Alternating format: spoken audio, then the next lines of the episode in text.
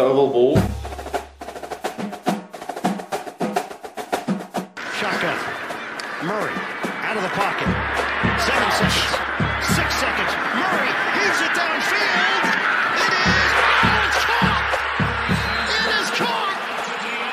DeAndre Hopkins. Miraculous. I play in the NFL. I think I play in the NFL. I think I play in the NFL.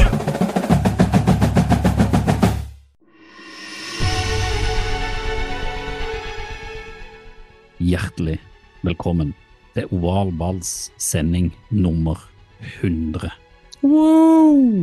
Vi hadde store planer om å invitere inn prominente gjester og samles alle sammen, men takket være sykdom, internettproblemer og eh, ja, dagliglivet, så er vi bare glad at vi i det hele tatt er her, Stian, og prøver å si noen få ord om den fantastiske NFL-uka som har vært. Ja da, vi skal klare å oppsummere, vi. Ja, vi skal selvfølgelig kaste inn en liten anbefaling. Vi skal se litt framover til Championship Game. Og ikke minst, vi skal trekke en vinner av konkurransen til eh, oval ball. Og denne gangen har jeg vært nøye med å sjekke at alle de som har svart riktig, er med i en trekning. Eller snappen gå. Football til folket. Football til folket.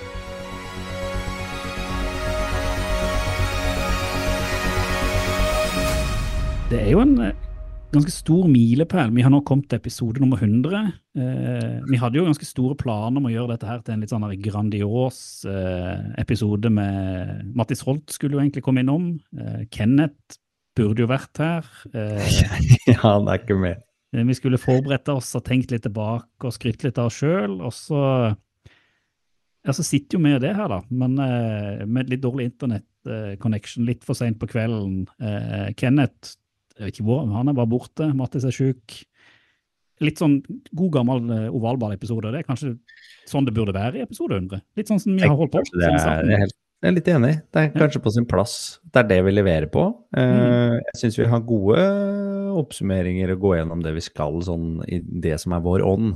Eh, Men det skjer jo alltid noe. Det er alltid noe tull med noen koblinger og noen PC-er som ikke funker. Det er jo Abre med å spille inn digitalt sånn som vi gjør det. Det er sant. Vi burde jo hatt mulighet til å møtes, men det har vi jo ikke. Så eh, da ses Nei, vi bare du og jeg sitter jo ikke så langt unna hverandre egentlig og spiller inn heller, men vi, dagliglivet tar oss. Det er sant. Hvordan går det i dagliglivet ditt, forresten? Du, det går egentlig veldig fint. Mm. Eh, ble veldig skuffa over uværet som tok bort vinteren, som var tidenes vinter. Eh, og dagliglivet har egentlig vært prega av mye sport på TV, og mest sånn eh, oval ball nå i helga. Det har jeg kost meg veldig med. Ja, da vi to. Jeg er jo veldig glad for at vinteren forsvant, for jeg går ut med en sånn barnevogn. Så plutselig nå er det mulighet til å kunne gå tur igjen og komme seg litt ut. Så eh, det har jeg satt Ja, du er en av de, ja, som ja. skal ha på brodden og ut og gå. Var ute og gikk på Brodde i dag. Det var helt suverent. Ja, jeg måtte Eh. også krype til Broddekorset. Ja, ja. Så eh, ingen lårhalsbrudd, så det er jeg godt, eh, godt fornøyd med. Men jeg syns, eh, eh, jeg syns likevel at det er eh, litt for tidlig at det blir plussgrader og is. Nei.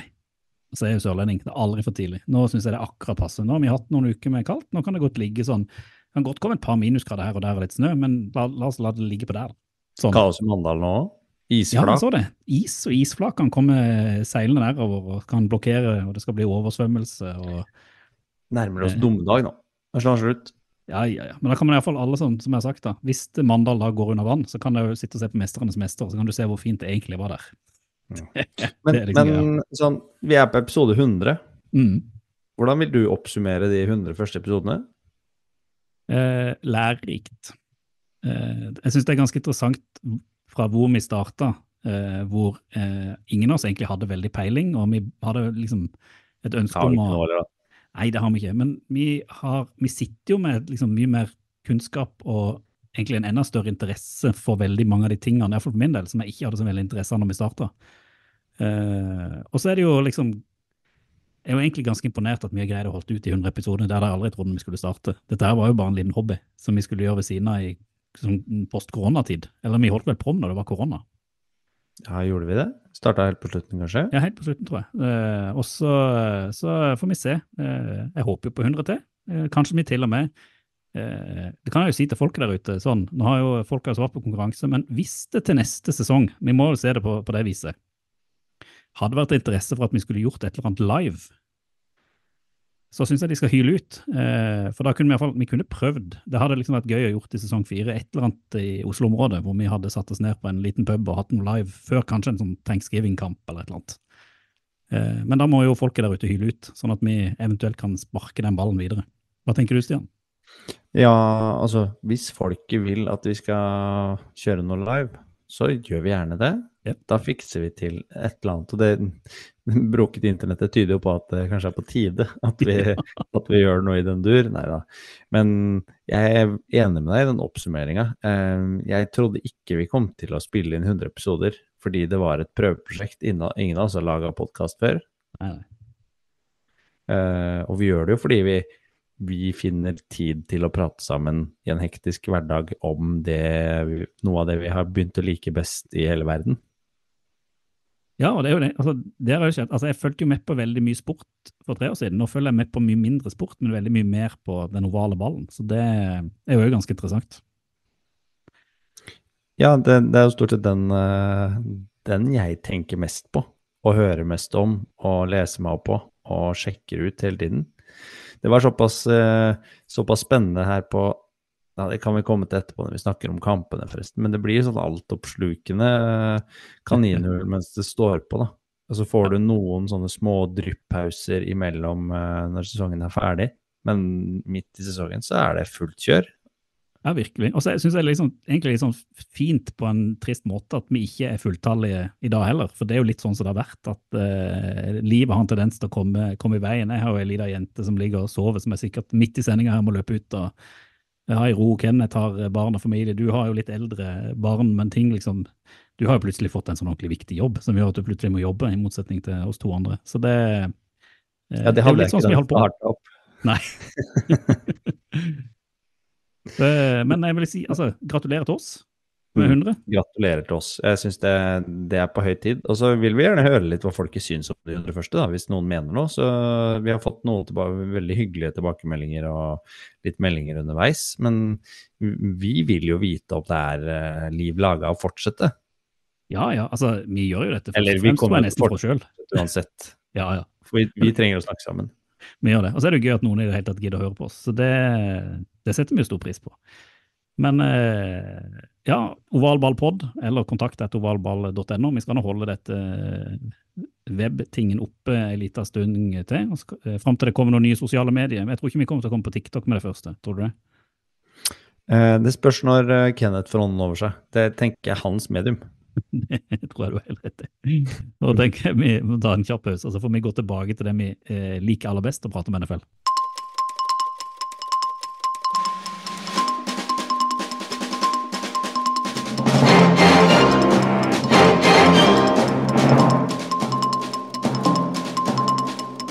Det handler jo mest om veien mot Superbowl nå de neste uh, ukene, før vi skal ned i draftgryta. Men uh, det skjer jo litt sånn småting uh, i NFL. Eh, og siden jeg tenkte vi kanskje sånn kjapt bare kunne gå gjennom litt sånn eh, signeringer, trenere og litt sånn hva som, hva som skjer. Høres det fint ut før vi hopper inn i eh, helgegryta hvor vi så kampen?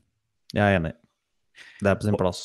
Eh, Og kanskje liksom den viktigste nyheten som i fall eh, av trenere, er at eh, nå er det jo det er vel ikke formelt bekrefta, men NFL Insidere pleier å ha rett. Det er at Tennessee Titans har, kommer til å signere offensive coordinator fra Bengals, Brian Callahan, som ny head coach. Eh, og det er jo interessant med at de går fra Mike Vrabel til eh, mann som har vært med å bygge opp eh, angrepet rundt Joe Burrow og egentlig gjort Bengals til, en, til et lag som er å regne med igjen. Ja, han har jo skal vi si, han har bakgrunn. Han har trent både Stafford og Carr og kanskje vært den mest kjent de siste åra for å groome eh, Joe Burrow. Eh, og er jo en interessant herremann, da. Eh, og har fått ganske god, gode skussmål som eh, offensive coordinators hos Bengals. Og de har jo det er, jo- det er jo fristende å si at hadde ikke Burrow vært skada i store deler av sesongen i år, så hadde de nok prestert eh, noen knepp over. Og sesongen i fjor var vel kanskje stjernesesongen til Callahan også. Mm. Eh, så det, det blir iallfall spennende å se hva, hva Titans, Titans tenkte å gjøre år. Ja. Eh, når de først valgte å kvitte seg med Vrabel, så får du jo inn en mer offensiv og en, en, en trener som, hvis du tenker i hva som er trenden i NFL-laga nå, med yngre, mer sånn offensivt eh, prega trenere, som, som går for det oftere på fourth down, er tøffere i hodet offensivt og er ikke altså, Litt motsetningen til kanskje Rabel, som er kanskje defense uh, first, og Todd Bowles og uh, Bill Belichick og litt den, den garden, da. Som, så tror jeg Callahan står for litt noe annet. Det kan bli gøy med uh, Tights og se hva de da gjør. Ja. Om Will Levis fortsetter der, eller om de prøver å finne en franchise quarterback uh, der òg. En annen en som ikke er overraskende, men det er bare som en nevnes, er Antonio Pierce endelig er bekrefta som head coach for, uh, for Raiders. og det tror jeg egentlig alle i klubben og rundt klubben og fansen òg er ganske godt fornøyd med, sånn som han uh, leverte før sesongen, eller under sesongen. og så Ja. Eh, og Jeg den- synes den- det, det, den var jo ganske klar, og nå var vel egentlig både Crosby og Devante Adams også ute og tydeliggjorde at hvis de kvitta seg med han, da er de ferdige også. Ikke Så sant? tør, tør vel ikke folket å gjøre noe med det. Eh, Og så har det jo vært litt sånn karusell rundt eh, en del av de trenerne som mislyktes litt i, i wildcard-weeken. Eh, McCarthy i Cowboys er bekrefta at han blir værende i alle fall én sesong til. Han har vel utgående kontrakt til, til neste år.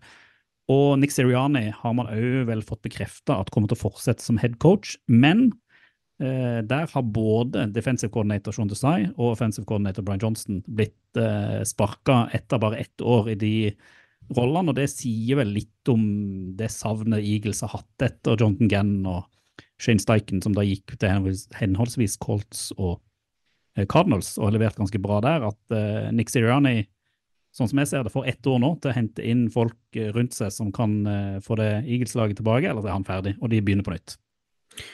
Ja, det måtte skje noe i Philadelphia etter Vi kan jo kalle det en slags katastrofesesong, sånn som det egentlig starta, og endte med et katastrofalt eh, fall og eh, noe uventa, kanskje, at det gikk den veien. Ja, en av tidenes største kollapser for min del.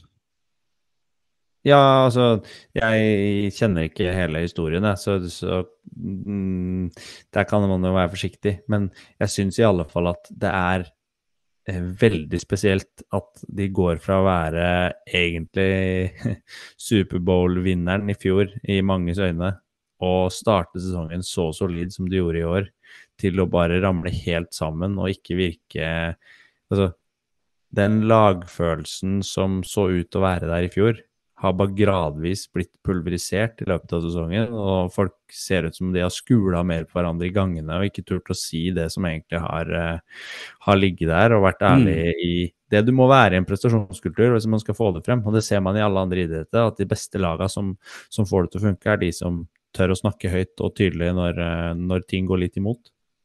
Ja, Det blir spennende å se hva som skjer der i, der i offseason, men, eh, og hvem som da kommer inn på de to rollene under uh, Seriani. Eh, av andre bare sånn halvinteressante ansettelser, siden ikke vi har head coach, det er at eh, Jacksonville har eh, nå ansatt eh, tidligere DC Atlanta Falcons, Ryan Nelson, som defensive coordinator, og de trenger jo noen som kan eh, få litt orden på det forsvaret. Og kanskje mest interessant av de der sånn underansettelsene er at Bears nå har eh, ansatt sin offensive coordinator, som er gamle Seahawks eh, offensive coordinator Shaden eh, Walden. Waldron, og det er jo litt interessant fordi at et av de store spørsmålene i offseason, eh, Stian, er jo vil Bears tra eh, trade Fields, eller vil de ta en quarterback på sitt første pick, eller vil de trade picket? Og da har det jo mye å si hvem som sitter som sjef for det offensive, og hva den ønsker. Eh, så hva tenker du når de har henta inn Waldron som OC? Um, ja, jeg vet litt for lite om han og hans, uh, hans måte å line opp uh, angrepet på. Men det, den debatten som kommer til å gå, er jo hva tar de? Hvor høyt rangerer de f.eks. Uh, Caleb opp mot uh, Justin Fields? Og Justin Fields har jo vist at han har mange gode sider ved, ved sitt spill, eh, med løpespill og, og, den trusselen han er som, som spillertype, mer enn en, eh, og en løper, heller enn en pasningslegger og playmaker på den måten. Mm. Og man tipper jo at man vil ha litt mer av begge deler. Eh, så jeg tror vel kanskje det heller mot en quarterback. Jeg tror nok jo det. Så er det spennende som Dessverre. skal bli værende, eller som liksom starter, og han skal stå bak, og, eh, eller om eh, Men det, det, det her, dette kommer vi tilbake og skal diskutere mye om i offseason. Vi må jo ha noe å prate om da òg. Ja, Vi kan ta med en siste nyhet, da, som eh, er dommerutnevnelsen til Superbowl. Ja, jeg har til og med én nyhet etter det òg, men du skal få lov til å ta den først. Ja. Ja, ja, Jeg tenkte jeg skulle ta med noe til bordet som ikke du hadde gjort klart, men Ja. det, det klarte ikke å sette deg ut nå heller. Uh, Bill Winovich er jo han uh, litt eldre karen som kjent uh, dommer som har vært innom Han skal lede, han skal lede crewet på selveste Superbowl. Uh, det er tredje gangen han eh, dømmer og styrer opp eh, crewet. Så det er jo ålreit. Han har jo vært en gjennomgående ganske solid figur i sesongene vi har fulgt med, iallfall. Hva er han mest kjent for, Stian? vet du det? Nei, du kan få si det. Jeg kan det. Du skjønner, hvis man så eh, om det var championship game eller noe her for i 2019, så var det hans eh, dommercrew som overså en pass interference på Saints, helt åpenbar pass interference på Saints, som gjorde at eh, året etterpå så innførte NFL en sånn ettårig regel om at man kunne challenge pass interference bare på bakgrunn av den åpenbare feilen som ble gjort. Eh, men han har vært veldig god siden, da. Men det var jo et, en, en av de verste dommerøvelsene jeg har sett når jeg har sett et kamp. Det var når Saints røyk ut og ikke gikk eh, videre. Helt til slutt, eh, og det passer egentlig fint når vi skal prate om kampene, det er at eh, Detroit Lions, som de fleste vet enda er med i løpet mot Superbowl, har signert eh, en backup til Sam Laporta, som har vært litt uh. De har henta inn Zach Ertz, tidligere Eagles og Cardinals tight end, som har uh, ennå holder på, og som uh, jeg tror er en meget smart signering av Lions, bare for å ha noen i bakhånd, sånn som de spiller ball for tida. Spesielt hvis Laporta ikke greier å spille fulle kamper. Uh, om de kommer helt til Superbowl. Eh, hva tenker du om det, Stian? Spennende signering. Mm. Eh, Sackerts har eh, en god og stor og positiv oppside. Han kan produsere, han kan blokke, og han kan i hele tatt være en veldig viktig avlaster, tror jeg, for, eh, for Laporta, spesielt når, eh, når det røyner litt på. Da. Man ser jo at han har slitt med skader og ikke er helt 100 Eh, Da er det nok fint å ha en rutinert eh, herremann å, å gå til, da.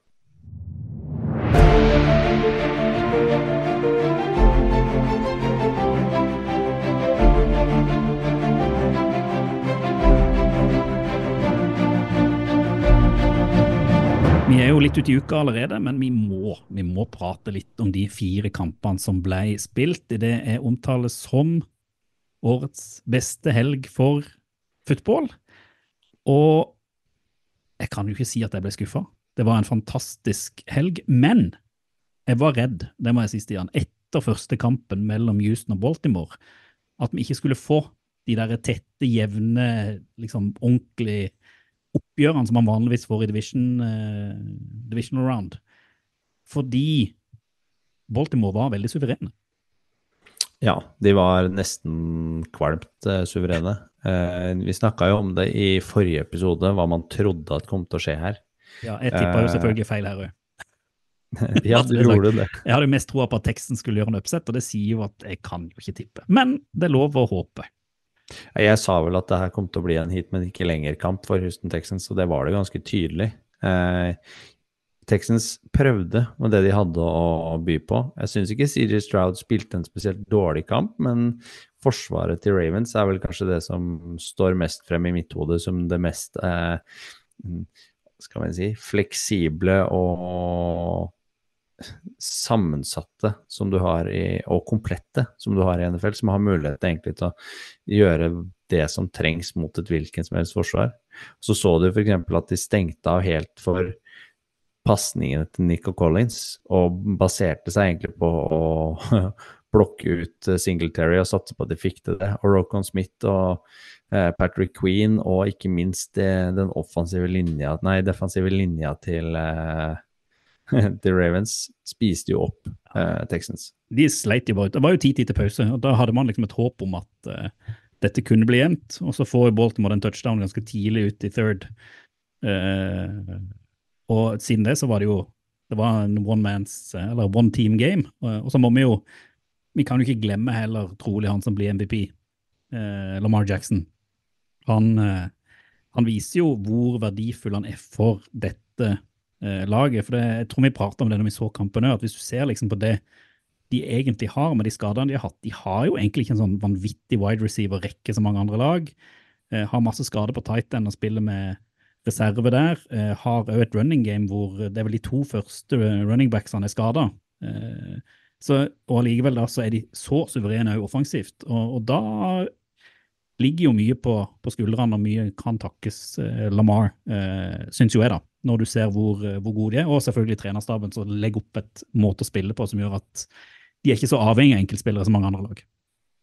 Nei, jeg syns uh, Altså, der de i fjor bare overlot ballen til Lamar Jackson og tenkte la han finne ut av hva han skal gjøre, så har de et mye tydeligere angrepsspill nå, hvor de veksler inn uh, av den runden her. Du har Safe Flowers du kan bruke, Rashad Bateman, Likely, Aglor altså Alle de gutta blir brukt på ulike måter, i tillegg til at de veksler det med et løpespill og uh, egentlig tar det de får. Jeg vet ikke om du la merke til justeringene de gjorde fra pause og, og til andre omgang, så var det spesielt at de, de kasta litt kortere. De tok ikke sjansen på de lange playa lenger, og tok egentlig det forsvaret til Texans ga de.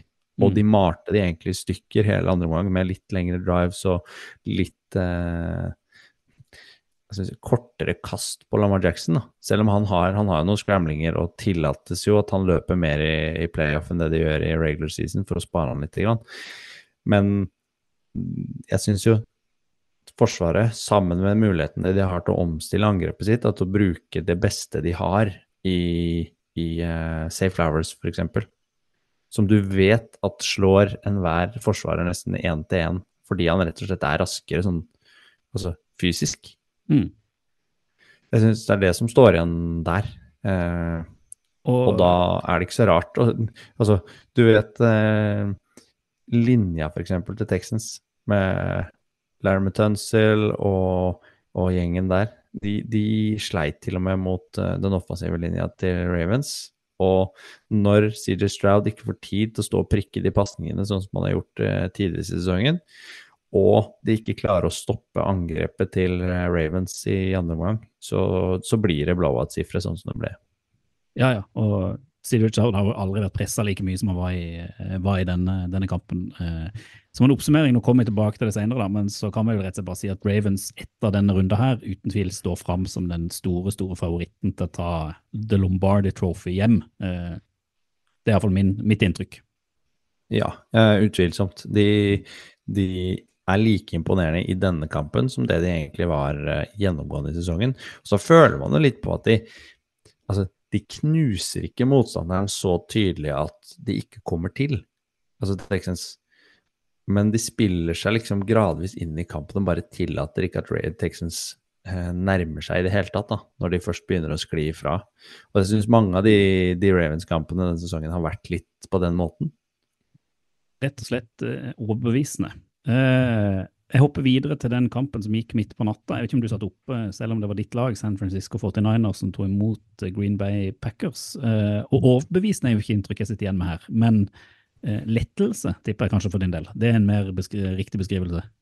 Jeg sa innledningsvis når vi snakket om hva som har skjedd i løpet av de, de 100 episodene som vi har prata amerikansk ball, så har jo det påvirka nesten familien. Fordi vi Jeg satt ikke oppe og så den. Det ble for seint etter jeg satt og så ferdig Texans Ravens på, på lørdagen. Jeg tenkte jeg heller ville stå opp og, og se kampen uh, i ro og mak på, på morgenen. Uh, og da ville jo selvfølgelig begge gutta mine se den sammen med meg. Og de var jo like spente som meg da vi satt og så innspurten. Og jeg satt med en følelse av at uh, mm, det er luggeføre for Fortniners, og de får det ikke til å stemme. Og Packers har det her i sin hule hånd. Eh, og det er mm, først og fremst takket være glimrende angrepsspill av Jordan Love. Jeg syns han er en fantastisk quarterback med en sånn kreativ evne til å få veldig mye ut av lite.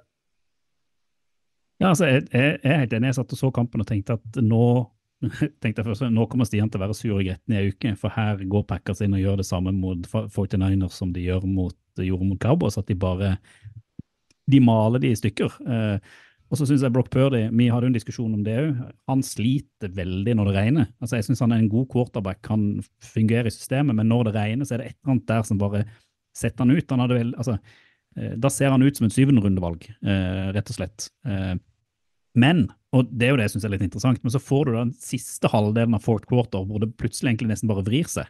Brock Purdy har noen helt sånne vanvittige kast som er liksom en MVP verdig, og tar for første gang 49ers til en seier etter at de har ligget under i fourth quarter på 30 kamper, er det ikke det? Om jeg tar feil. Stemmer det. Mm. Og så får du da Jordan Love som går tilbake til den han var i begynnelsen av sesongen, hvor han skal spille hero ball, og prøve da å, å gjøre ting som han ikke bør gjøre, og kaster da den interception på slutten som gjør at uh, 49ers vinner kampen. Eh, kanskje litt ufortjent, til og med, men det er jo ofte det er kanskje sånn det er. Da. Gode lag skal vinne på dårlige dager. Det som står fram hos eh, 49ers, da, hvis vi snakker litt om de først, så nevner du Brock Purdy som eh, har litt mindre hender, faktisk, hvis man ser på måla fra, fra Combine. Så noe som har gjort at han sliter i regn. Det gjorde han også mot Browns uh, tidligere i sesongen, hvor han ikke får til noe som helst. Han er liksom konstant sein på Mm. avtrekkeren, og du ser han ikke spiller med samme selvtilliten som det han gjør når, uh, når det faktisk er tørt la han spille inne. Fordi han tørker av seg på hendene, og det gjør han på Det er et av de kasta som har hatt til Johan Jennings, som går uh, Altså som ser ut som et veldig bra kast. Uh, og har lest både litt uh, ulike blogger og sider og hørt noen podkaster, og der er man litt uenig om det er et godt kast, eller om man faktisk har litt flaks. Mm. Så vil han jo si at det kanskje er, uh, Det er litt av treffer. begge deler. Ja. Det mener jeg. Altså, Det kunne like gjerne blitt en interception. Ja. Og sammenligner man da med uh, hvordan han står fram mot slutten, så er jo det eh, MVP-verdig, som du sier. Der, der er han bestemt og veldig tydelig på hvordan han skal kjøre det opp. Men han blir innimellom redda av veldig gode stjerner rundt seg. Han har eh, både Brandon Ayok og George Kittle som mister igjen, men som også er på, og Christian McCaffrey som, som løper for like mye som, eh, som uh, Jones hos Packers gjør, selv om det ser ut som til tider at uh, Aaron Jones har en bedre kamp enn McCaffrey. Men jeg tror man skal følge liksom 49ers i sluttspill, det er alltid skade. Og denne gangen var det Debo Samuel som da blir skada så tidlig at eh, 49ers egentlig må legge om litt av det spillet, sånn som jeg har skjønt de hadde tenkt å gjøre. Og, man ser jo på statistikkene at når Debo spiller, så er Brock og så 49ers gode. Når Debo ikke spiller, så er de mye dårligere. Eh, Så det har jo en påvirkning på, på kampen, eh, selv om jeg syns eh, Altså, Metal Fleur bør jo være stolt av laget sitt, eh, yngste lag i NFL som kommer og nesten vinner den kampen, men den, det tapet der må være skikkelig skikkelig tungt, òg fordi at de har en kicker som de ikke stoler på, som ikke de har kutta, og som de allikevel lar stå der og, og sparke, og som i alle fall ikke taper kampen, men i alle fall gjør at de ikke får en overtime, eh, og kunne liksom kanskje hamla opp med 49ers eh, seinere. Det er ikke ofte man ser en trener så skuffa på pressekonferansen etterpå som det Matt LeFleur var. Han klarte nesten ikke å svare på spørsmål. Han var helt ja. ferdig. Mm. Uh, og det er jo Ja, det er takket være kicker Daniel Carlsen bommer, og det har han gjort hele sesongen. Og så sier han jo litt sånn på sidelinja at jeg, uh, jeg ber til høyere makter når han skal ut og sparke. Og de som kjenner Matt LeFleur, uh, har jo uttalt seg om at han sier jo ting eh, Det ser ut som han er alvorlig når han tuller. Altså Han er en sånn type som ikke helt kan lese alltid. Og det kan jo vært ment mer som en spøk, men han har valgt å stole på Carlsen hele sesongen. Det har ikke betalt seg. Og man ser jo i Altså Det er ikke første gangen at kamp mellom 49ers og Packers har blitt avgjort på dårlige special teams. Nei, og jeg tror jo, altså Det er jo en gjennomgangsmelodi egentlig hele divisional round, at eh, lag med gode special teams har et fortrinn, rett og slett, når det kommer til disse tette, jevne kampene. Og her eh, vil jeg jo, Det er kanskje flåst å si det, men her syns jeg det er to lag som har to dårlige special teams, men det er Green Bay som har det dårligste ut av denne kampen. Eh, som jo da gjør at de Jeg, jeg, men jeg mm. syns egentlig special teamen til Fortniners kommer godt fra det. At det at man får blokka en, en field goal, det kan skje, tenker jeg. mm, Det er, det er liksom det, Såpass heldig kan Forsvaret være innimellom. Og jeg syns egentlig Jake Moody har spilt seg inn mer etter, eh, til sluttspillet nå enn det han gjorde i regular season. Han virka mer ustabil da. Nå syns jeg i hvert fall han nå treffer han jo på det han skal, bortsett fra en som forsvarer blokker, da. Så, Ja da, jeg, bare, jeg tror, og det er bare tilbake til forrige kamp, at hvis du har Justin Tucker eh, i tillegg på kicker, og du er et lag som kjemper om Superbowl, så står du ganske mye sterkere enn hvis du da møter Jake Moody eller eh, Tyler Bass eller ja, eh, det Ja. andre. Mm. kommer jo inn på det, men eh, det stemmer det. Mm. Og så er det jo interessant det du nevner med Debo Samuel, da, som, eh, som har en ekstra dimensjon, eller gir en ekstra dimensjon i spillet til, eh, til Fortniners når de klarer å utnytte han på de, de løpespillene som de har. Han får noen ekstra yards etter catch fordi han er helt umulig å få tak på. Det viser seg kanskje at den skulderskaden ikke er like alvorlig som først antatt. At det er snakk om at han er klar til eh, helgen allerede. Jeg håper jo det. det. Det gjør at matchupet blir, blir enda bedre. Ja, den skal være reell, tenker jeg. da, Det, det vil man jo ha. Skadefrie tropper og, og fullt lag for at det ikke skal være noen dårlige unnskyldninger å komme med når, eh, når det skal avgjøres. da. Mm. Eh, Og så syns jeg Jeg blir fortsatt litt forbausa over hvor konservativ Shannon er i noe av playcallinga si. Ja. At han er litt for kjip på de field goalsa istedenfor å stole på de stjernene som han har offensivt, når han kan gå for en fourth, så går han for en field goal isteden. Og satse på å få en ny first down og spille seg enda lenger ned igjen, sånn han har et par muligheter der. Uh, og en punt som han kanskje kunne prøvd på en field goal, så viser kanskje at de kan stole på Jake Moody, så Ja, apropos special teams. Eh, Ja, Men, da, de vant, da punteren han stoler på Wisnowski, som er en supergod punter og stabil, så han veit jo hva han gjør fordi han har så bra forsvar. Og både, både uh, Hargrave og eh, Young gjør relativt gode kamper, men Nick Bose er jo fortsatt der. De presser jo Jordan Love hele matchen, men han får fortsatt lov til å stå og prikke det litt. Uh, og jeg syns jo, som du er inne på, at Packers gjør en kjempesesong ut fra forutsetningene og hva vi trodde. Det blir eh, spennende hva de gjør i, i draften, og så hva de gjør til neste år. Da tror jeg de kommer til å bli kjempe, kjempefarlige, sånn som det ser ut uh, nå. Men det, det blir neste sesong. Nå må vi prate, å, prate årets sesong. Eh, og eh, for å hoppe videre da til søndagen, så var det jo da denne kampen i fotball til folketiden. Eh, og jeg syns Nå er jeg kjempeinhabil, da, men jeg syns virkelig det var en kamp som gir liksom kreditt til NFL-sporten, både for publikum og atmosfære og spillet som ble spilt, og spenning. Og så satt vi jo, jeg skal ikke nekte for det med det, vi satt jo og håpte på en, en Lions-seier, for det betyr jo at mitt lag skal møte ditt lag i championship nå, på, nå til helga. Eh, og det endte det jo med, eh, men det var ikke, det var ikke rett fram. mot Nei, det var en kamp eh, hvor det lugga for eh, Lions, som var eh, knepen favoritt i forkant. Og de spiller på hjemmebane og, og blir trykka litt grann av det, virker det som, i stundens alvor.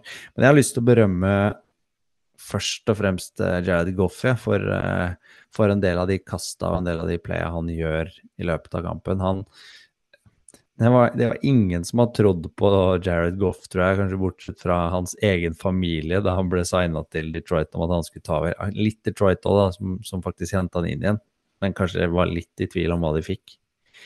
Eh, han har spilt seg opp som en av de mest stabile quarterbackene i, i NFL, som spiller på det han er god på, og blir satt opp i posisjoner på den han er god på. Du ser et Mm. par av de slingerne han har til eh, Er det, er det den andre til Amon Ross St. Brown, for eksempel? Den touchdown-pasningen han har der.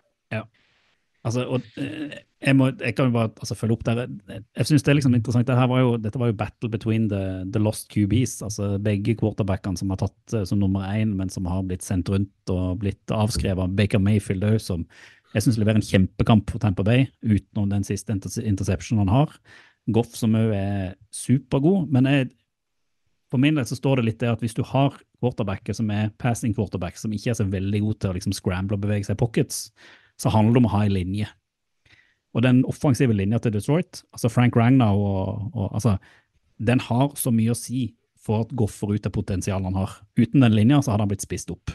Og litt sånn er det for Tampa òg, at eh, Baker har fått i hvert fall en linje som beskytter han til en såpass stor grad at han kan gjøre det han er god på. Eh, kaste disse her slingrene sine. Eh, og da får du jo en sånn der back and forth-kamp. Eh, Lions er den rake motsetninga det av seg. De kjører risiko, risiko, risiko. Eh, de gambler, de gambler, og det får de betalt for med liksom en touchdown på fort. Eh, kjører lange kast på third down, som f.eks. den ene til Amra St. Brown. Eh, men sliter da òg veldig defensivt. Og da kan Tampa Baker kaste disse ballene sine i secondaryen og, og få liksom ting til å rulle og, rulle og gå. Så det gjør det jo til en kjempespennende kamp når du får òg da et Lions-lag som mye bedre offensivt enn defensivt, og dermed òg greier å overkjøre litt av det Tampa-forsvaret, som vanligvis har vært kjempegode. Og ja, det forsvaret til Tampa er jo fortsatt bra i den kampen. Ja, ja, ja. De er kjempegode i den kampen, men de, til slutt så blir de slitt ut. og Det er liksom det inntrykket jeg sitter igjen at når du så, satt og så third and fourth, så selvfølgelig som fans er man alltid redd for at det skal gå, gå skeis, og, og, Baker får jo en touchdown på slutten som gjør at det blir en litt tettere kamp, men Lions kjører jo drive på drive, hvor de får touchdown på slutten, og du rett og slett ser at det forsvaret er nesten slitt ut. Og Ben Johnson som OC uh, han skal jo all hyllest for den måten han legger opp spillet til Lions, som gjør at de bruker løpespillet, uh, og så har de de pasningene i tillegg som gjør at de, uh, de kommer i mål. Uh, og så er det jo gøy å se hvor mye det betyr for byen og folket å få et lag som ikke har vært der de er siden ja, det er vel 91, og ha de tilbake igjen i toppen det gledes. Ja, jeg, det trengs jo. Og du ser det er en fotballby, Eh, ja. Det snakker jo Dan Campbell om på pressekonferansen etter kampen, at uh, han har lyst til å bygge et lag som, som passer til byen, da, som industri, og, og, og, en by som kanskje det er litt uh, trått i om dagen. da. Mm. Det er litt kaldt og litt sånn litt begredelig vinter. Eh, spilte de jo riktignok inne, som hun frøkna ikke hadde fått med seg på forhånd. Eh, Stakkars ikke glemme det, syns jeg var legendarisk. Ja. Men det viser seg jo at eh, Lions har i løpet av de tre åra Dan Campbell har vært eh, headcoach, så har de vært, og, og ikke minst eh, Holmes på general manager-siden og eierskapet, da, Sheila Ford, eh, har stått veldig tydelig på det som skulle være filosofien, og, og det Dan Campbell brakte med seg inn. da. Um, og den, den, reisen har tatt, uh, tatt tre år. Uh, og de har bygd et lag som, som er kjempeunderholdende å se på. De spiller aldri kjedelige kamper. Og du kan stole liksom på at Dan Campbell er tøff nok i hodet til å ta de, de risikable, men uh, kanskje litt halvgale valga som som gir oss mye å diskutere og snakke om underveis og se etterpå. Og når du i tillegg får frem stjerner som, som Sam Laporta, som uh, Monroe St. Brown, Jared Goff presterer Frank Ragnow, er kjempegøy å, å, se hvordan han jobber på, på senter. Uh. Og Aiden Hutchinson som har blitt en milepæl, altså en helt sånn uh, talisman i det forsvaret òg. Ja, og så ser du Jammer Gibbs og godeste som, som kommer. Så jeg syns uh, det Detroit gjør, er helt uh, fantastisk.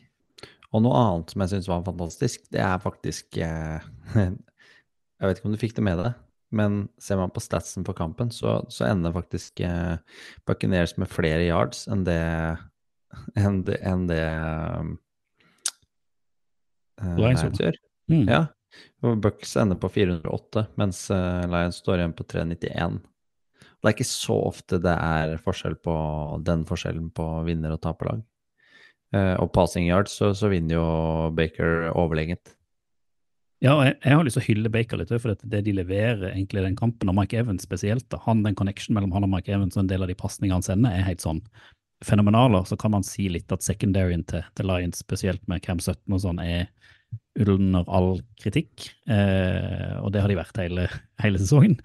Eh, men jeg, altså, Baker som ble avskilta i Panthers forrige sesong, eh, Panthers som har vært fullstendig ute i år, kom inn i Tampa, ingen tror på Ble avskilta i Browns òg, egentlig? Ja, etter, eh, og har jo levert en, egentlig en fenomenal god sesong eh, for et Buck som ingen hadde troa på. Det var, det var ikke mye ifra at de vant denne kampen her òg. Det var et par Et litt mer defense som greier å få en stopp eller to i, i andre, andre, omgang, og kanskje da litt mer hell med offense i, i andre omgang. Så hadde de, hadde de, vært der. De hadde momentumet, det så man jo, men så kom Lions da på slutten. og jeg syns jo de vant fortjent til slutt, men uh... Ja, jeg er enig. Eh, og så syns jo, jo vi at det er den morsomste treneren og, og laget som, som vinner, da. Mot Ja, ja. det Altså, offensive jo slår det defensive. Er blodfan, så vi skal prate litt om den kampen eh, som kommer senere etterpå. Men eh, Ja. jeg tror, eh, for ikke å holde på altfor lenge her, så må vi jo gå til klassikeren. Den evige klassikeren i playoff, det har blitt det. Den, den nye Brady mot Nå sto det helt stille. Manning, blir det vel om ikke jeg tar feil. Mm. Altså da med Holmes mot Allen. Og som dessverre for Allen alltid ender i et sånt sårt, vondt, tett tap hvor Mahomes alltid går seirende ut. Ja, Mahomes vinner alle, alle oppgjørene som er i playoff. Denne gangen borte. Første gangen Mahomes spiller borte i, i playoff. eh, Sin første, sin første bortekamp i playoff, det er så sykt, det. Som ikke er Superbowl. Ja. Eh, Den, fantastisk. Jeg, jeg, altså, det har blitt en klassiker eh, i vår, eh, vår NFL-periode. Det her med eh, Kansas City Chiefs mot eh, Buffalo Bills.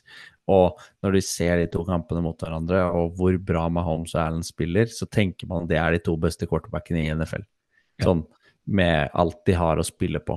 Og uheldigvis for Allen så er Mahomes på sitt aller, aller beste den kampen her, og da er han en liten eh, eh, tøddel foran, eh, foran eh, Ja, de, de greier rett og slett ikke å få, tak på han. Og så er det jo det i disse kampene at alltid er sånn. Det er ikke sånn at altså det, eh, ledelsen går fram og tilbake. Frem og tilbake. Du, liksom, du får quarterbacket som de går på, og så OK, ny touchdown, ny poeng. Og så er vi jo tilbake til der vi prata om tidligere, at eh, her er det jo i stor grad special teams som eh, gjør at det, eh, det ryker. Eh, på slutten, og så kan man nok også kritisere Josh Allen for å gjøre noen litt sånn rare valg helt på slutten der, hvor han da kunne eh, kasta noen litt enklere baller og liksom grinda klokka mot eh, endzone og prøve seg på litt mer sånn hero ball og, og sånn, men eh, det er jo Tyler Bass sin bom der på slutten som i hvert fall gjør at det ikke blir uavgjort. Og så tror jeg nok, sånn som vi kjenner disse kampene, at en viss Patrick Mahomes kanskje da hadde tatt på pil og bue bak på ryggen og skutt den ballen inn i endzone allikevel på det, den tida han hadde, hadde igjen. Ja, jeg, jeg er bare delvis enig i den eh, analysen din, for jeg syns egentlig at uh, her er det Kansas City Chiefs som er et knepp foran hele matchen. Og hvis du sammenligner tiden de har med possession, så står faktisk Bills med 37 minutter, mens, eh, mens eh, Chiefs har knapt eh, 23. Og det er ganske stor forskjell på Og Bills gjør på en måte det eneste riktige, å ikke la Mahomes få ballen i henda. Men han får det faktisk til å funke nå i, i den kampen her, da. Mm. Så, og det handler egentlig om at han er effektiv, og han får det beste ut av receiverne sine. Eh, Travis Kelsey er på jobb igjen, um, og de spiller Virkelig. på det, de får. Og så løper også Mahomes litt innimellom. Og det, han, han er i det mulige hjørnet som han er der, så er det ingen som har sjanse til å hamle opp med de. Og jeg tror det er det som må til for at noen skal ha, kunne slå Ravens, da. Eh, Ja, ja. Altså, jeg, jeg tror jo de sånn sett uh, ligger godt an til å slå Ravens òg, For så lenge Mahomes ingen, altså De greier jo ikke ta han. De greier jo ikke stoppe han. Og da uh, er det litt lite man kan, man kan gjøre. Og så må jeg bare En ting som jeg syns er så gøy, som har gått sin seiersgang på sosiale medier, det er jo uh, tweeten fra Chiefs i 2017, hvor de da inngår en trade med Buffalo Bills om tiendeplassen, hvor de trader og Mm. gir bort noen picks til Bills for å hente Patrick Mahomes. Og alle de svarene som da kommer rundt den tweeten, handler om at herregud, Kansas City, vi har robba der. Alle Bills-vennene er superfornøyde med at de har fått de picksene fra Chiefs, og Chiefs har drita seg ut. Og så ender det opp med at det er den personen som de trader bort picket for, som gjør at egentlig Buffalo sin gullgenerasjon ennå ikke har kommet seg lenger enn der de er nå. Eh, aldri kommet seg til Superbowl. Ja, altså du har flere sekvenser i løpet av kampen der som, som egentlig kunne tippa den i Bills, nei, Chiefs favør tidligere, da. Eh, og jeg Mm. syns f.eks. det playet hvor, hvor det er vel Poyer som akkurat får takla med Cole Hardman, som mister ballen uheldig gjennom endzone idet han er på vei til å lage. Ja, ja. Ja, istedenfor at det blir en, en touchdown, nesten. Det er så små marginer når de laga her møtes, men, men her er det Chiefs som, som er i førersetet hele veien.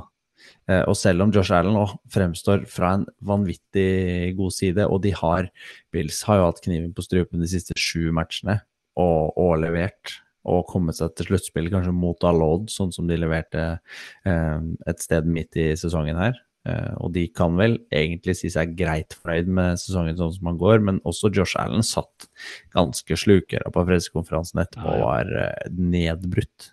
Og så tror jeg, hvis du hadde, Bills ikke hadde hatt de skadeproblemene de har, så tror jeg det forsvaret hadde stått bedre mot, eh, mot Chiefs òg, er jo min antakelse. Men det, en Kanskje, og sånn, så ser det litt sånn, ser litt sånn trått ut fremover, for altså, de får ikke Diggs-kombinasjonen helt Nei, altså- å fungere, og så Shakir må ut. Eh, Stefan Diggs, den må vi altså, den må vi bare ta på slutten. For det, der er jeg usikker på om han kommer til å være i Bills neste år. For det han leverer i denne kampen her, er det noe av det verste jeg har sett. Altså, han har jo vært 60 stjernereceiver. yard-kastet til Allen, som han Som egentlig ikke, bør ta. ja, bare, bare hente inn og bare gå gjennom armene på han. Og, ja, eh, det, vi har Altså, pratet mye om ha receiverne en- til, til Chiefs, men her er det jo egentlig Bills sine receivere som svikter, og da spesifikt Stefan Diggs.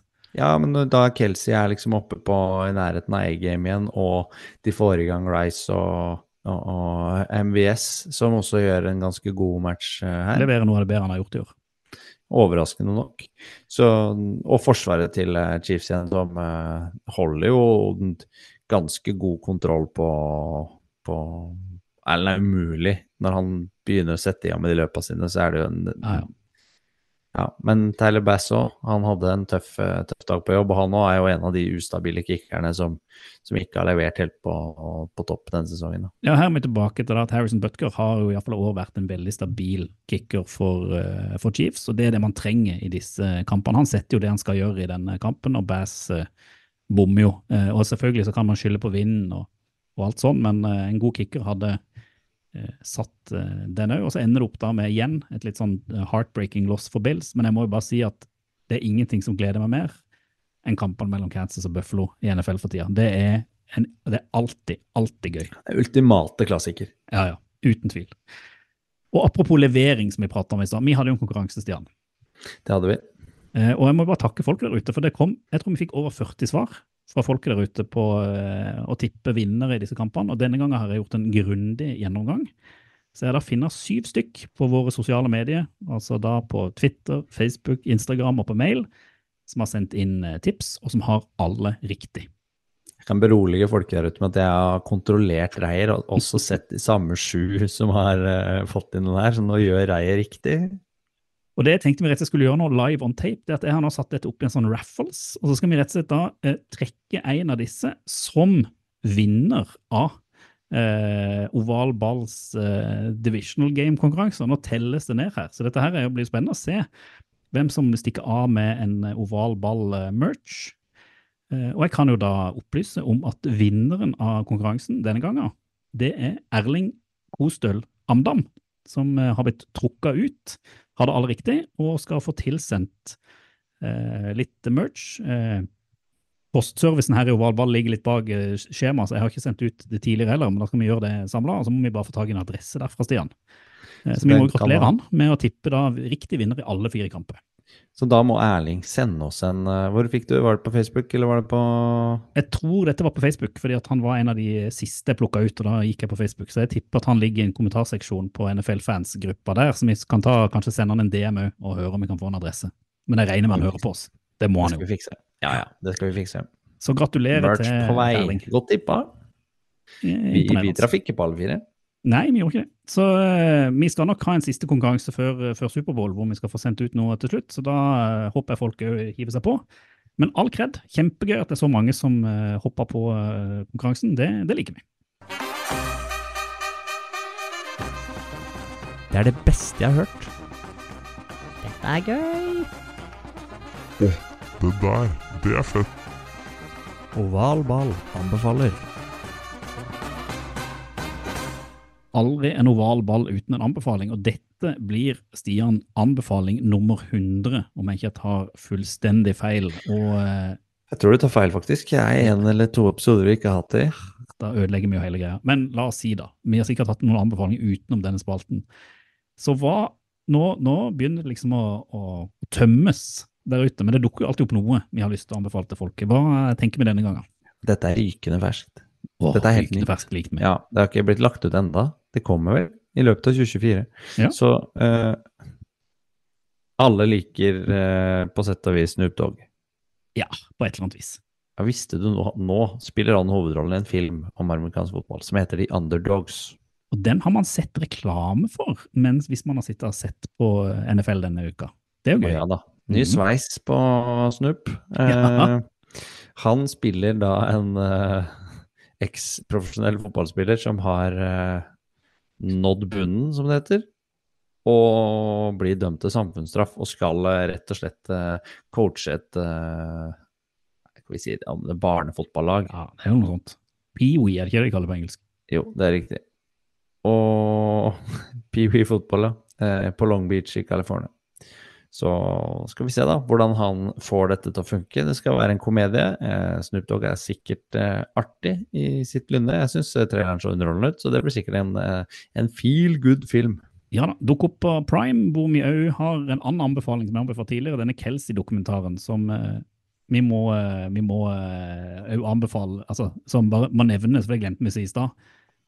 Sånn, inni den her, Det vi egentlig bør anbefale aller mest, det er å bare søke opp Jason Kelsey på stadion i Buffalo eh, mens han heier på sin egen bror, Travis Kelsey. Der er det mye gull ute på internett. Eh, bare for å kaste det inn i, i ballen. Ja, det er spesiell, spesiell type. Eh, han bø- bøyer underholdning. Det er jo spesielt når han hopper ned i publikum og tar med seg en eh, åtte år gammel jente opp for å hilse på Taylor Swift, og han er stein pære, liksom. Det er så nydelig. Men Man altså, den Kelsey-dokumentaren er ligger jo da på, som løfter opp, ja. På, på Prime sammen med, med The Underdogs. Nei, hva skal du se på? Rundens utvalgte. Hvis eh, divisional round var hovedretten, så får vi desserten nå, Reier. Eh, kommende helg så er det Championship Games i AFC henholdsvis og eh, NFC. Og i eh, AFC så får vi kalasoppgjøret mellom Chiefs og Ravens i Baltimore. Hva Ja. tenker du om det? Jeg tenker jo at eh, klokka ni på søndag, fotball til folketidspunktet, så får du kanskje the battle of the two best QBs in the league. Lamar Jackson mot Patrick Mahomes. Eh, første gang som jeg kan huske hvor jeg føler at Chiefs er ganske heftige underdogs. Spiller borte mot et Ravens som har vært eh, superimponerende. Eh, og så tenker jeg at her, her har du liksom eh, Ravens bør vinne, men Chiefs pleier å vinne disse kampene. Chiefs har et forsvar som kan hamle opp med Lamar. Ravens har et forsvar som kanskje kan ha, hamle opp med, med Holmes. Eh, altså, her er- For meg er det sånn, nesten som coin toss. Eh, Chiefs har erfaringer. Ravens har eh, ikke den samme erfaringa. Eh, kommer til å bli en helt fantastisk kamp. Jeg tror kanskje ikke det blir veldig mye poeng. Det er vel det eneste antakelsen. Jeg tror kanskje at folket, hvis de fikk en litt sånn angrepskamp nå mellom Lions og Tampa i, i eh, forrige helg, så tror jeg her at du får en litt sånn forsvarskamp. Her får du se to helt enorme forsvar som kommer til å battle it out, og så handler det da om hvem som da greier å finne hull. Det er min antakelse. Hva tror du? Jo to lag som, det er to lag som ikke har lyst til å tape den kampen, sånn, sånn Mm. helt åpenbart, og som kanskje kommer til å spille for å ikke tape heller enn å vinne. Mm. Er helt Jeg tror kanskje ikke det. Jeg tror du får uh, Altså Jeg ville alltid satt pengene mine på Mahomes i den posisjonen der, da. Selv om ikke laget han spiller på nå er eh, like sannsynlig. Men vi har jo sittet og sagt at det er for seint. De kommer aldri til å levere når Chiefs-angrepet. De, de får ikke noe til i, i år i det hele tatt. Men de har grinda det ut hver eneste kamp, hver eneste runde, og sjelden gått på noen sånn kjempeskreller når det har begynt å dra seg til. Og de gjør det jo, det viser jo det nå mot Bills igjen, da, at de, de klarer å mobilisere og klarer å få på plass akkurat eh, litt mer enn nok, faktisk, òg, syns jeg, til, til, å, til å vinne. Og det skulle ikke forundre meg om de gjør det samme igjen, da. Eh, mot et uh, Ravens-lag som kanskje vil det for mye. Eh, Lamar Ja, var veldig Ravens har tydelig noe å tape her for første gang. Det føler jeg ikke Chiefs har. Jeg vet ikke, jeg syns det står seg ganske sånn altså Chiefs er ganske tydelige på at de vil vinne, men de, de spiller seg et divisional game igjen, altså. Jeg syns det er så eh, pokker så solid det Mahomes og Andy Reed eh, Aaron har, har stått for. Og han har jo allerede gått forbi Aaron Rogers, eksempel, i playoff-seieren og Patrick Mahomes. Ja, ja, Det- det- Og han er i sin prime, liksom. Men for å helle, altså helle litt salt i såret, er det én ting jeg har vært kanskje det jeg har vært mest imponert over i hele år. Det er at hver gang Ravens i år har tatt imot et lag som kunne vært contender, så har de bare drita på dem, altså for å si det på sørlandsk. De har spist de opp. 49ers, Lions eh, osv. Eh, de har på en måte ikke de har ikke det, har ikke vært noe spørsmål. Jeg føler, altså Ravens sleit litt i begynnelsen av sesongen med at de tapte en del jevne kamper, men altså de kunne nesten gått en feilfri sesong. De har vel ikke hatt et stortap. De har ikke blitt overkjørt i én kamp i hele år. De, de hadde jo liksom denne mot Colts, de tapte mot Browns i disse jevne Tapte vel til og med mot Steelers en gang, gjorde ikke det? En sånn tullekamp. Men og jeg, det, det, altså det er nesten sånn at det har vært så overbevisende at jeg tror jeg kom, hvis jeg skal tippe her, da, hvis man går den veien, så tror jeg jeg står på Ravens litt ut fra den historikken de har hatt denne sesongen. De har vært så gode. De, har, de er det eneste laget som ikke har vist de svakhetene som man har sett i de andre lagene som spiller i championship game.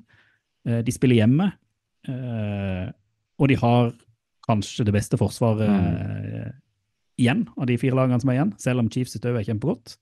Så jeg tror jo med at dette her er kampen hvor Lamar endelig vise at han eh, eh, er den quarterbacken som eh, han mener sjøl han er, og, og man har trodd at han er. Og at eh, Mahomes eh, denne gangen må gå slukøra hjem til, til Kansas sammen med Kelsey og eh, Taylor Swift for å synge litt på dem på flyturen hjem. Men jeg, altså, dette her, det, For meg er det helt bingo, men jeg, det er litt den historien av sesongen i år, så tror jeg dette havner i Ravens sine hender. Men Chiefs har jo erfaringer, og det er jo egentlig det skumle. De, de har vært her så mange ganger før, så de vet hva som må til. Ja, det som slår meg litt, er at Ravens kanskje på forsvarssiden veit hvordan de skal Eller den beste formelen for å hamle opp med Mahomes. da. Mm. Og hvis du så mot, uh, mot Bills nå, de, for, de forsøka de hadde på å blitse Mahomes, det går aldri bra. Det er da Mahomes er på sitt beste. Mm. Og Ravens er såpass gode at de har mulighet til å være tålmodige og ta ut, uh, ta ut uh, angrepsrekka i, i secondary også, og, og la Mahomes Så spørs det om Mahomes, som pleier å være ganske flink til å ta det han får, eh, trenger jo noe mer enn Kelsey å kaste til. Altså det, det krever jo en del av de, de wide receiverne og, og Noah Gray, f.eks., som må opp, mm. opp i ringa litt grann når, eh, når Kelsey sannsynligvis blir dobbelt teama. Og Hvis Mark Andrews kommer tilbake for Ravens, så, eh, så har de litt mer å, mer å spille på. Du har et poeng der, for det jeg synes var sånn kjempeimponerende fra Ravens både teksten, så var hvordan de tok ut alle alternative secondary. Det, det fins ikke noe, noen long plays. Alt de ga, var de korte. Uh, og de la Kyle de, de, Hamilton er jo et uh, vanvittig skup vanvittig skup de denne blitsa jo nesten aldri, de bare pressa. Uh, og det gjør òg at de har liksom De har kontroll. Så Men det har forsvaret til Chiefs på den andre siden. Da. Og Ja. den, den draften som de var gjennom for et par år siden, og hvordan de har klart å bygge et forsvar av unggutter. Se på Trent McDuffie, f.eks. Og Creed Humphrey, som eh, står som senter da, foran Mahomes og forsvarer han. Ja, den, den gjengen der er uh, supersolid nå. Og ikke minst uh, Sneed, Ja, som har tatt ut den uh, elite-wide receiveren etter den andre. Nå var det Diggs uh, uh, mot Dolphins, så var Hill eh, ingenting. Eh, så jeg syns Chiefs eh, fremstår som et lag som, som potensielt kan Det blir jo en liten skrell kanskje hvis de vinner, men, men jeg setter, setter pengene mine på Mahomes hver, eh, hver gang. jeg. Jeg har en spådom før vi går videre til den kampen vi egentlig må prate om. At Odell Beckham kommer til å ha en rolle her, enten positivt eller negativt. Det bare ligger et eller annet i kortene, men vi får, eh, vi får se. Men så, Stian, så kommer vi jo egentlig til den kampen hvor vi begge er inhabile, men vi allikevel eh, har mye vi skal ha sagt. Det er jo at våre kjære Lions og 49ers møter hverandre i San Francisco eh, i en kamp som uh, Jeg hadde nok trodd at jeg skulle sett 49ers der før sesongen, men at Lions skulle være der. For meg er helt sånn hoderystende. Og dette er jo, som de sier i ATN, Lions spiller med house money. De har ingenting å tape her. Tror du de føler det sjøl? Det, det er ikke jeg helt uh, sikker på. For de mener jo sjøl at de er på et punkt hvor de, hvor de skal være der og utfordre, sånn som Dan Campbell snakker om det laget. Så Det er jo ikke den innstillinga de går inn i denne kampen med, at de ikke har noe å tape. De, de mener jo at de har en plass der. Ja, men de har ikke noe å forsvare. Det er kanskje det. Altså, det er det noen som har noe å forsvare her, og som er favoritter, så er det jo 49ers. Og det er vel, nå prater jeg jo som fan, da. Eh, jeg mener at det vil være større krise for 49ers å tape den kampen enn det vil være for Lions. Ut fra forutsetninger og, og forventninger og så videre. Ja, også ikke minst hva man har investert i å få laga til å fungere. Så det, det er jo åpenbart at uh, Fortniners har, har mer på bordet her. Men Mm. Hvis de taper en kamp hvor de, hvor de er dårligere enn en motstanderen, så tenker jeg også at når de spiller championship game, så det er vel tredje året på rad at de jo drar seg dit. Eh, og nå må de over et hinder, eh, som John Lynch eh, uttalte etter eh, kampen sist, at de er ikke ferdige, de heller. Og, og det tror jeg ikke spillerne heller føler på, da. For jeg tror de følte seg litt snytt i fjor, da, da de røk på to quarterback-skader og ikke, ikke fikk lov til å vise seg fra sin beste side. Og nå er det meldt sol og, og strålende vær på, på søndag. Eh, noe som er bra for en viss eh, Brock Burley. Ja, men det er bra for Jared Goff òg, for han er ikke spesielt god ute i eh, vintermånedene, men litt sol og sommer, så eh, våkner han til live òg. Og jeg må bare si, dette her, jeg syns dette her er en, det er en helt sånn fantastisk matchup, for jeg har vært litt sånn kritisk til hvem Lions da har møtt tidligere, fordi at de har stått litt dårlige mot dem. Eh, det jeg syns er interessant her, er at selvfølgelig 49ers i mitt hode er kjempefavoritter. Men eh, 49ers spiller jo på en måte som passer Lions veldig godt. De har ikke de der veldig de har ikke liksom, Brock Purdy har ikke den kjempekastarmen. De kjører ikke de der eksplosive kjempeplayene langt bak i secondary. De har running game, som de stoler mye på. Og så spiller de litt, disse litt kortere pasningene rundt omkring. Eh, og akkurat der har Lions et forsvar som pleier å stå seg ganske godt. De har et ganske godt rushing running defense. De er ganske gode nærme quarterbacken til å legge press på, så er de veldig dårlige secondary. Få se hva de gjør nå, da. Kanskje de gjør det stikk motsatte. At de har Ja. sett hvor Lions kanskje har sine svakheter. Og det handler jo om å, å lese og tilpasse motstanderen på det.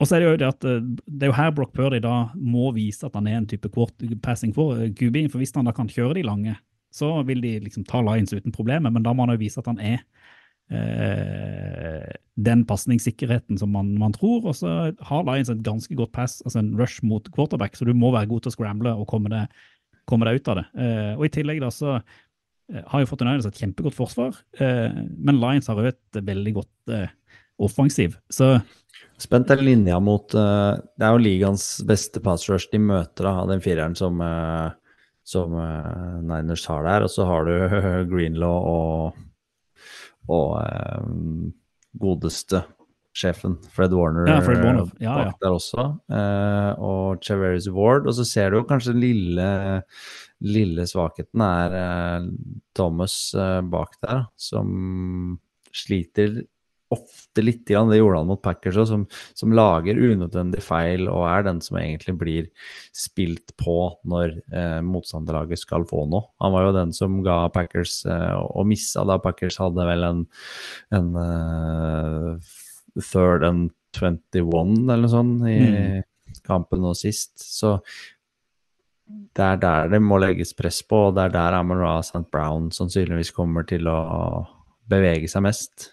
Men du har, du har et veldig godt poeng, for det som jeg tror kommer til å være matchavgjørende her, det er jo akkurat det der, der den offensive linja til Lions mot det lin, defensive linja til 49ers. Fordi at hvis Goff blir pressa, man har sett det f.eks. med Ravens, hvor de ikke greide å holde det, så mister han det helt. Han fungerer ikke under press. Eh, Han er jo ikke spesielt god til å scramble. Han må ha tida eh, for å kunne sende disse pasningene.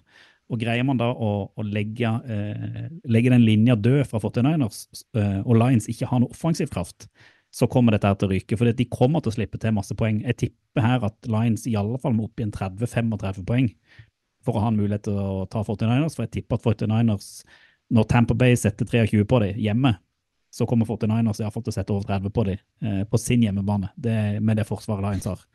Det er ikke, det er ikke godt å si. Eh, hvis ikke Debo spiller, så er det et viktig våpen som tas bort, som har prestert veldig bra mot uh, Lions historisk sett. Eh, kanskje den som har mest poeng mot, uh, mot uh, Lions av nåværende, nåværende Niners-gutter. Eh, og så har jeg jo tenkt at Goff har blitt såpass mye mer som vi, vi snakka og skrøt han i stad. Eh, der han tidligere ble stressa og kasta han, da, så, så holder han i hvert fall på ballen og tar en sack, eller kaster han utover sidelinja i mye større grad enn det han gjorde i, i Rams-tida, da, hvor han mista hodet totalt og, og hadde interceptions over en lav sko. Det har vel rett jeg føler jo at uh, Detroit kan være liksom tryggere på at ikke Goff nødvendigvis skal, skal miste det her. Men jeg, eh, altså, jeg det er små marginer er når vi masse- drar oss helt dit, da. Ja, det er masse interessant, da, for jeg føler her at det er to lag som spiller litt på samme måte. At de lener seg mye på løpespillet, begge lagene. Altså Det er liksom det som skal få de, de framover i banen. Og så har du en quarterback som spiller ut fra den playbooken som, som er der, som ikke er liksom superstjerne, men som er der for å eh, levere. Eh, og så har du to gode offensive linjer. Eh, du har to Kanskje ikke to like gode forsvar. Uh, der syns jeg 49ers står mye sterkere enn det, det Lions gjør. Men uh? Du har to gode tight ends i Laporta og Kittle. Du har uh, to fremragende wide receiver i Ayuk og Amon Ross and Brown. Du har noen vanvittige running backs. Nå har Lions kanskje to som er ca. like gode som én i McCaffrey, med Montgomery og, og Gibbs. Altså, det er noe likheter her på begge lag, på hvordan de, de legger det opp. Og så er det Jeg er bare spent på hvordan det, det seg ut. Men jeg skal være ærlig og si at jeg mener at jeg tror Lions kommer til å vinne med ti poeng her, hvis sånn, i bunn og grunn, det, når kampen er ferdig. Jeg, nei, 49ers mener jeg. Eh, sitter igjen med en ganske komfortabel seier. Eh, jeg tror dette er et mye lettere oppgjør for 49ers enn mot Packers. Jeg tror eh, Jeg klarer vanskelig å se det for meg, fordi de kampene de, vi drar oss mot her nå, er jeg, jeg tror det handler litt om playcallinga på siden.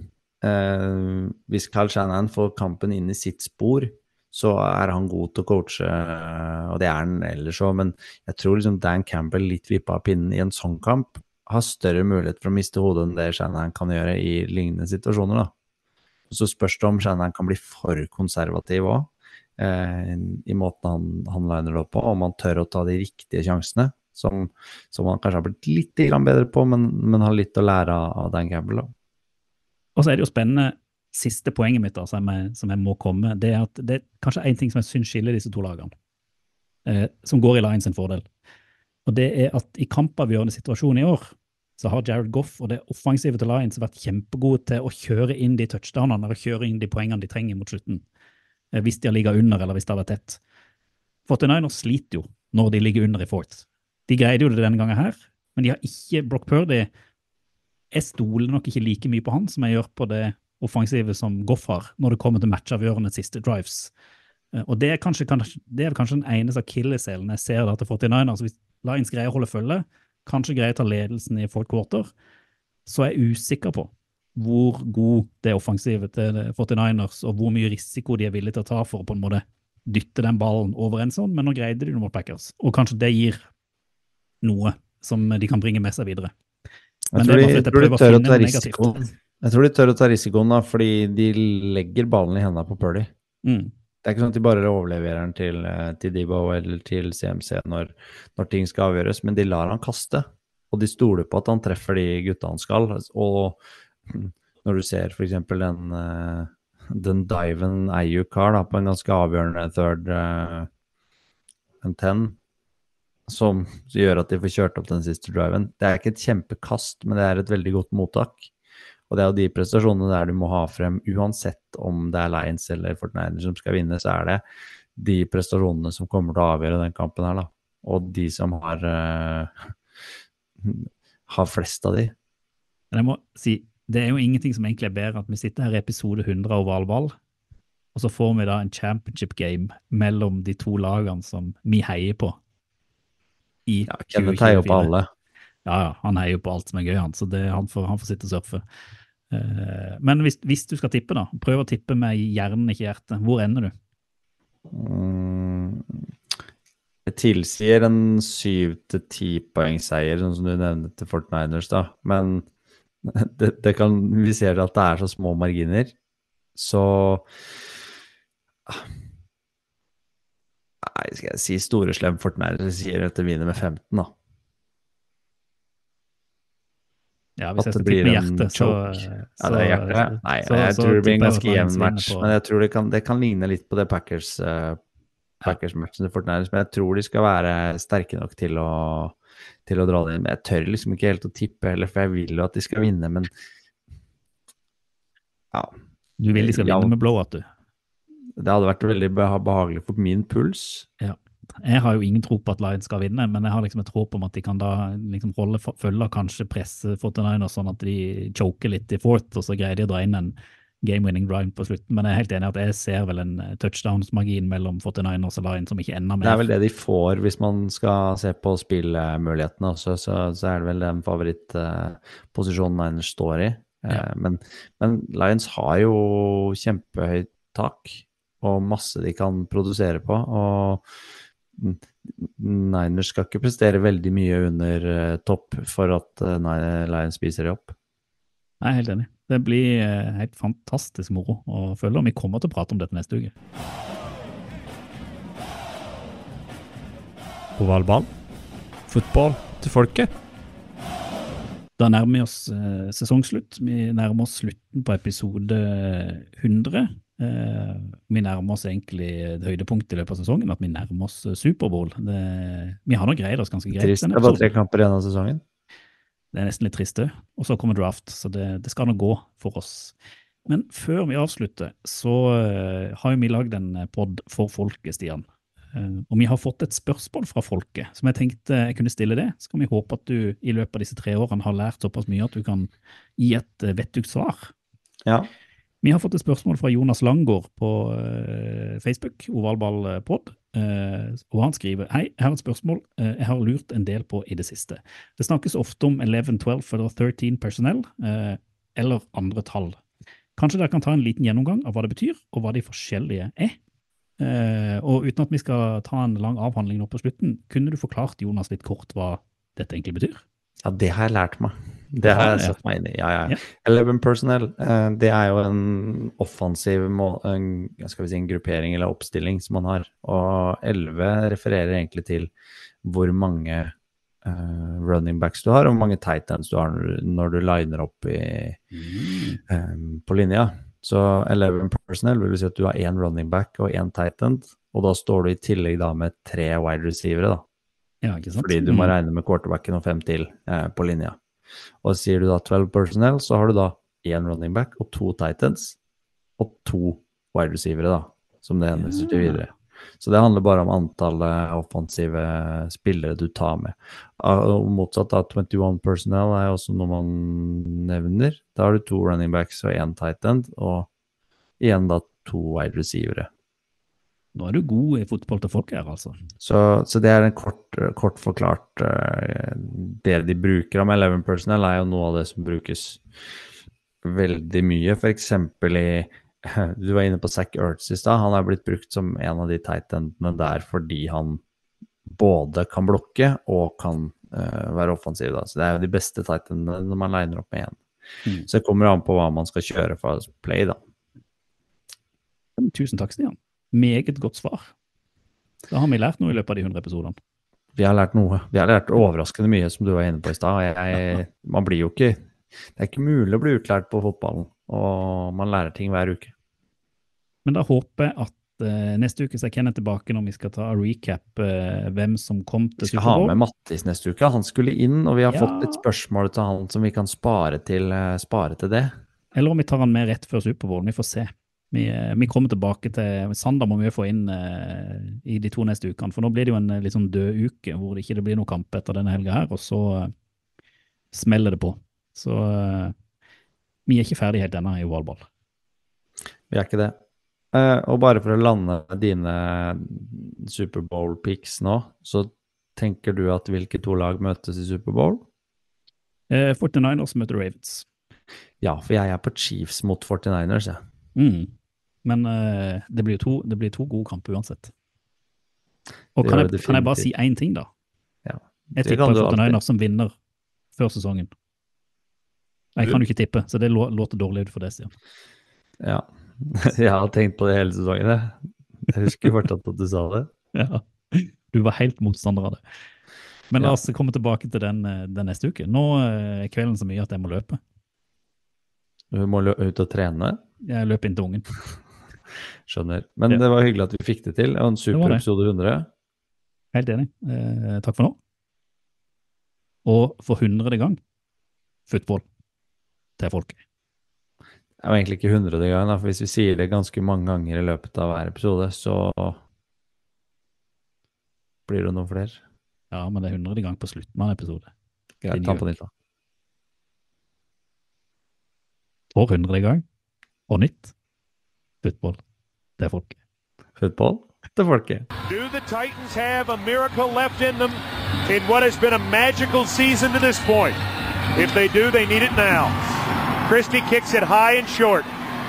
Going to be fielded by Lorenzo Neal at the 25. Yeah, give it Pitches to- it, back to Wycheck. He throws it across the field to Dyson. He's got something. 30, He's got something. 50. He's got it. 40, He's got it. 20, 10. He's got it. five, End zone. Touchdown Titans. There are no flags on the field. It's a miracle. Tennessee